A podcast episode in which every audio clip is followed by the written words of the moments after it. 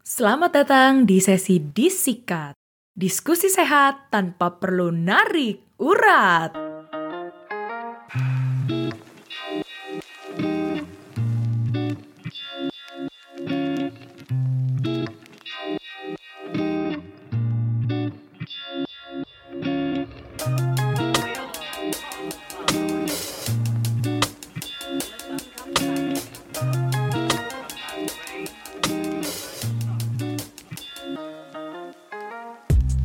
Buat yang udah ngikutin Abjad Tersirat dari awal, pasti kalian familiar ya sama sesi disikat alias diskusi sehat yang ada di Instagram story-nya Abjad Tersirat. Dan sekarang sesi disikat hadir di podcast Abjad Tersirat sebagai segmen monolog yang paling baru. Dan sama seperti yang gue lakukan di Instagram Story, sesi ini gue hadirkan sebagai safe space untuk kita bisa ngebahas berbagai isu sosial yang sedang marak dibahas oleh media. Tapi gue menyediakan sesi ini sebagai tempat untuk kita bisa latihan berpikir lebih kritis, men-challenge juga tanggapan umum di masyarakat mengenai beberapa isu lewat diskusi yang sehat. Jadi sebulan yang lalu gue baru aja nih selesai nonton Ngeri-Ngeri Sedap. Dan buat kalian yang udah nonton pasti setuju bahwa Film ini berhasil bikin kita keluar dari bioskop dengan muka bengep, berlinang air mata, sekaligus bercampur dengan ingus gitu ya. Karena walau film ini berlatar belakang keluarga Batak, tapi masalah keluarga yang disajikan pasti itu terjadi di setiap keluarga gitu. Entah itu tentang orang tua yang rasa selalu benar, beda keinginan antara anak dan orang tua, ataupun soal didikan orang tua yang masih membeda-bedakan hanya karena masalah gender anak-anaknya. Nah, minggu lalu gue memutuskan untuk buka sesi disikat dengan pembahasan dinamika keluarga yang toksik sambil pakai contoh dari film Ngeri-Ngeri Sedap. Maka dari itu episode ketiga segmen disikat kali ini gue buat khusus untuk merangkum cerita kalian yang udah masuk sekaligus ngebahas tentang satu hal pelik yaitu solusi apa yang bisa dan harus kita ambil sebagai anak ketika kita dibesarkan dalam dinamika keluarga yang gak sehat. Nah, tapi sebelum gue ngebahas tema itu, gue mau share dulu nih secara singkat mengenai sinopsis dari film Ngeri-Ngeri Sedap, beserta dengan pergumulan apa sih yang dialami oleh keluarga Pak Domu. Jadi ngeri-ngeri sedap mengisahkan tentang keluarga Pak Domu dan Mak Domu yang kangen banget nih sama ketiga anaknya yang udah lama merantau. Tapi ada satu alasan besar kenapa Domu, Gabe, dan Sahat males banget pulang ke rumah yaitu karena mereka nggak punya hubungan yang harmonis sama bapaknya. Akhirnya Pak Domu punya ide brilian yang dia yakini 100% akan berhasil membuat ketiga anaknya ini pulang ke kampung halaman, yaitu dengan cara pura-pura bercerai. Hmm, premis yang menarik bukan? Tapi apakah rencana Pak Domu ini mampu menyatukan keluarganya lagi? Atau jangan-jangan ini menjadi puncak perpecahan dari keluarga beradat Batak to the max ini? Nah, buat kalian yang udah nonton pasti kan udah tahu ya bahwa si Pak Domu dan Mak Domu tinggal di daerah sekitar Danau Toba bersama Sarma, si anak kedua yang nggak merantau dan menjadi satu-satunya anak perempuan di keluarga. Selain itu, dari awal film kita semua juga langsung dikasih lihat pergumulan setiap anak yang selalu bikin mereka berantem atau punya kepahitan gitu ya sama si Pak Domu. Misalnya si anak pertama, Domu, walau dia menjadi anak panutan tapi ada satu hal yang paling ngeganjel nih yaitu calon istrinya Domu orang Sunda gitu ya. Nah, bagaimana dengan Sarma si anak kedua? Sarma memang punya hidup paling lempeng dan tanda kutip membanggakan menurut orang tuanya. Dan dia memilih untuk nggak merantau dan akhirnya bekerja sebagai PNS demi menjaga Pak Domu dan Mak Domu. Tapi apakah dengan hidup yang terlihat lempeng ini Sarma merasa bahagia?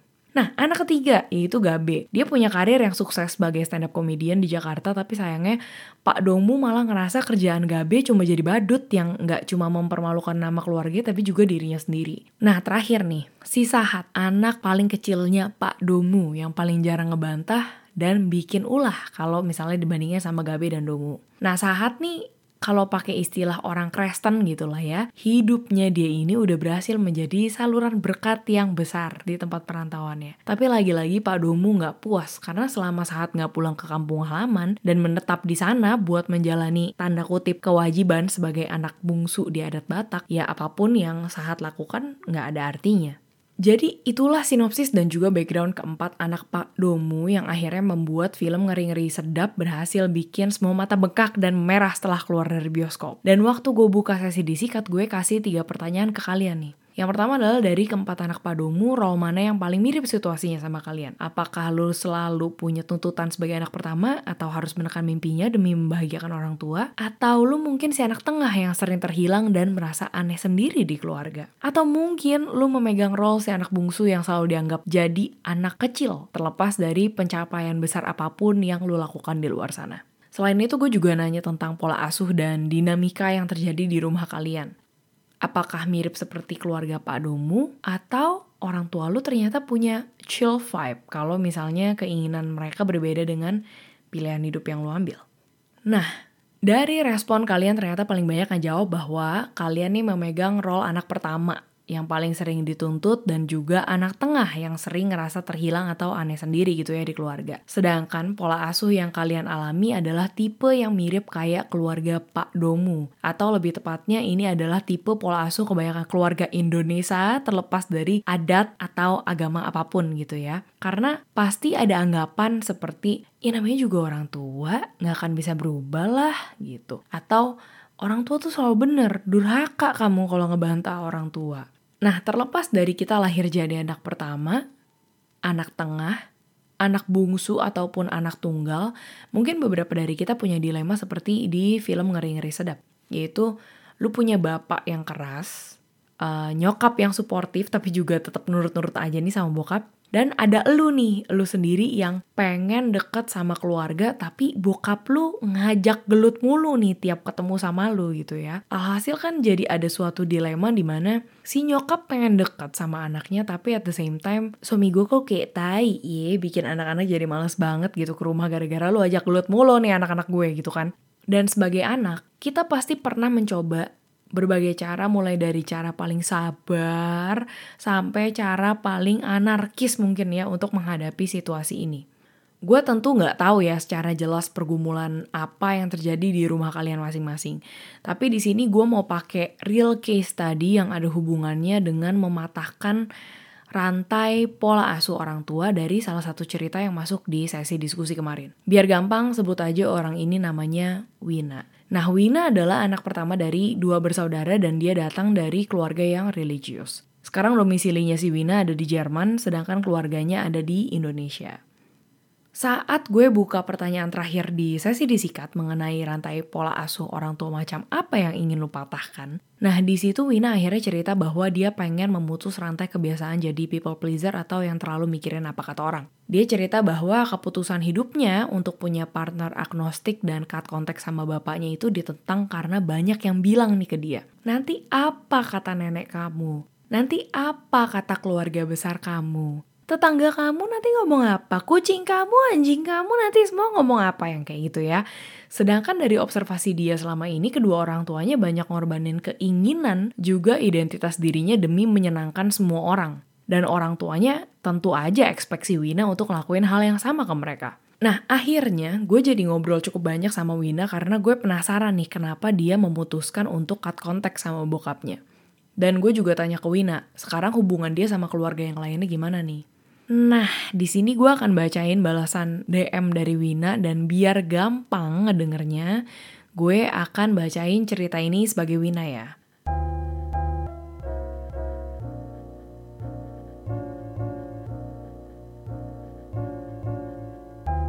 Ini sebenarnya super vulnerable, tapi fuck it lah. Jadi bokap ngelecehin PRT rumah yang udah sama kita hampir 20 tahunan. Baru-baru ini aja sih, sekitar 7 bulan lalu. Sebelumnya mah dia waras-waras aja. Aku coba konfrontasi bokap dan dia nggak mau ngaku, sampai pakai acara nangis-nangis minta ampun segala. I didn't buy it karena aku ngerasa itu udah kriminal banget dan harusnya bisa aku laporin ke polisi. Sedangkan mama kecewa, tapi somehow percaya sama acting bokap yang nangis-nangis dan juga pasrah kali ya. Mungkin dia nggak mau cerai atau apa gitu aku juga nggak tahu. Dan sekarang akhirnya they act like nothing happen. Nggak dibahas, nggak diapa-apain juga sih bokap. Dia habis nangis-nangis ya udah abis itu balik aja aktivitas kayak biasa. Mama juga sempat maksa aku minta maaf ke bokap karena katanya konfrontasi aku terlalu kasar dan gak sopan sampai bikin bokap nangis. Ya aku nolak lah. Terus abis itu bokap malah jadi ngancam aku karena aku nggak sopan sama dia sebelumnya. Katanya dia aku nanti kena karma just like nanti dia menghadapi karmanya. Pokoknya gitu-gitu deh. Dan gara-gara bokap head di Audacity buat ngancem aku, dari situ aku langsung bilang sama dia untuk nggak kontak aku lagi ever again. Aku juga udah blok dia.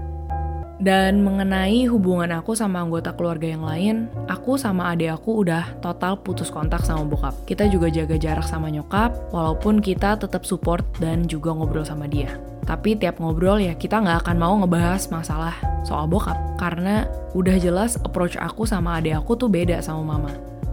Si Mbak PRT juga udah keluar rumah dan tinggal di kontrakan yang aku sama adekku patungan buat bayarin. Aku sama adekku masih kontak-kontakan juga sih sama Mbak PRT. Kita bayarin allowance buat si Mbak PRT karena sampai sekarang dia juga belum dapat kerjaan. Oke, jujur pas gue baca DM-nya Wina ya minggu lalu, gue tuh berasa kayak langsung pengen masak Indomie gitu tau gak sih? Soalnya energi gue tuh langsung habis kesedot membayangkan posisi dia menghadapi bokap nyokapnya. Tapi kenapa gue mau masukin cerita ini? Karena menurut gue pribadi awalnya gue cukup intrik dengan alasan Wina yang mau mematahkan rantai pola asuh orang tuanya yang selama ini jadi people pleaser gitu ya. Gue pikir selama ini bukannya jadi people pleaser tuh banyak kan untungnya ya. Ya setidaknya lo nggak mengecewakan orang kan dibanding dengan orang-orang yang cukup konfrontatif gitu seperti keluarga gue. Tapi setelah Wina ceritain detail soal bokap yang lecehin PRT-nya dan gimana orang tuanya juga handle ini dengan cara yang kurang bijaksana, barulah gue betul-betul paham bahwa kebiasaan untuk jadi people pleaser secara nggak langsung juga jadi cara orang tua ngedidik anaknya untuk selalu nurut sama apa yang orang tua bilang. Nggak peduli orang tuanya tuh bikin salah sebesar apa pun. Nah, mari balik ke pertanyaan yang sempet gue mention di awal episode yaitu solusi apa yang bisa dan harus kita ambil sebagai anak ketika kita dibesarkan dalam dinamika keluarga yang gak sehat.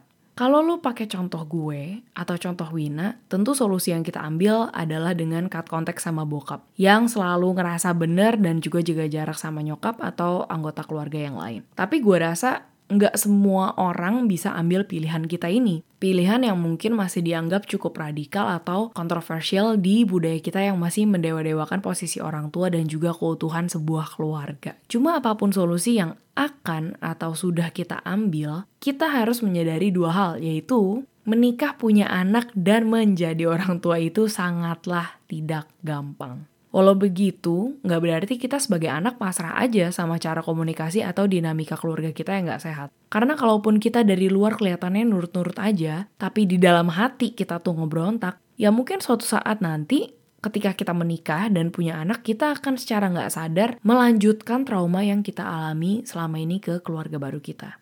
Jadi poin yang kedua adalah, kalau kita sekarang ada kesempatan untuk ngedengerin cerita tentang pergumulan keluarga dari orang lain, nonton film seperti ngeri-ngeri sedap dan punya safe space gitu ya untuk berdiskusi juga gitu soal trauma yang lo punya atau mungkin lo punya akses untuk ke psikolog ya pakailah semua kesempatan itu supaya lo bisa pelan-pelan memutus rantai pola asuh orang tua lo yang gak works gitu di hidup lo. Dan ini lo lakukan tentunya bukan hanya untuk anak lo nanti ya, tapi sebetulnya perlu lo lakukan supaya lo juga bisa berdamai sama diri lo sendiri dan juga bisa berdamai sama keadaan. Soalnya deep down kita sebagai anak tahu kok bahwa realita yang banyak terjadi adalah orang tua kita akan selalu merasa benar sampai Tuhan Yesus datang untuk kedua kalinya gitu.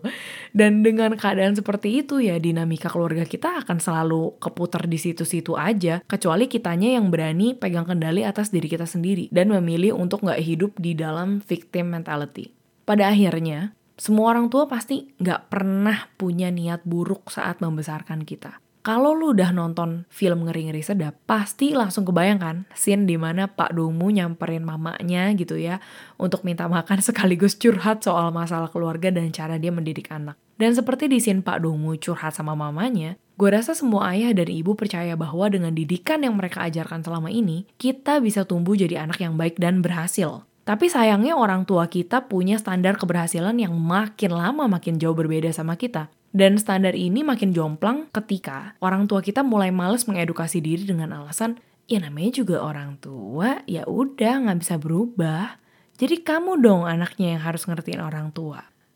Sedangkan kitanya sebagai anak nih, udah pernah merantau, bergaul dengan orang dari berbagai macam latar belakang, ya udah gak mempan lah dipakein kata-kata orang tua selalu benar gitu kan. Dan sebenarnya ya untuk maksa orang tua kita berubah, bukan maksa lah ya, tapi menunggu gitu, menunggu orang tua kita berubah sih bisa-bisa aja nih. Tapi kayaknya lama banget gitu ya. Apalagi dengan budaya kita yang masih menganggap bahwa orang tua itu selalu benar. Rasanya ya dengan keadaan seperti itu ya harus kita dulu yang cari jalan keluar gitu. Jadi menurut gue mau mengalah, mau cari jalan tengah ataupun putus kontak dengan orang tua, ya semoga kita selalu ingat gitu bahwa baik tidaknya kita sebagai anak nggak bisa diukur dari seberapa hebat kita ngeberesin tanda kutip tai di dalam keluarga. Ataupun hubungan orang tua kita yang mungkin tai-tainya tuh udah pada numpuk selama belasan bahkan puluhan tahun lamanya. Karena menurut gue cara berbakti dan menyayangi orang tua kita itu tuh banyak banget macamnya. Yang pasti caranya enggak dengan mengorbankan kesehatan jiwa kita. Sebelum episode ini berakhir, seperti biasa gue mau kasih satu pertanyaan untuk kalian semua. Ketika lu nanti jadi orang tua, rantai pola asuh apa sih yang mau lu putus dari didikan yang lu dapet selama ini? Thank you for listening dan kalau lu mau ikutan sesi disikat yang gue buka di Instagram story, silakan follow Instagram Abjad Tersirat supaya lu bisa ngedapetin update-nya. Dan kalau lu mau kasih ide atau topik-topik yang seru untuk dibahas di sesi ini, langsung aja ngobrol sama gue via Instagram.